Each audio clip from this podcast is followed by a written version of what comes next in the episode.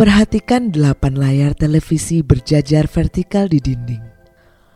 Karya ini dikembangkan secara kolaboratif oleh Khadim Ali, Mumtaz Kancopan, Ali Frogi, dan Hasan Ati.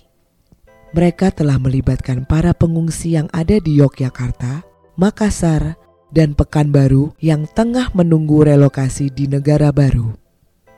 Pada layar, Anda dapat melihat sepasang tangan menyeruak dari latar polos. Tangan-tangan ini menggenggam benda-benda pribadi seperti foto keluarga, alat musik, dan kria buatan tangan.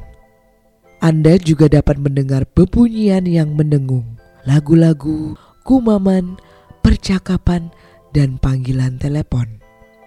Karya ini menunjukkan secuil pengalaman-pengalaman sehari-hari yang dirasakan oleh pengungsi, seperti keterasingan, juga pengulangan yang terasa akrab.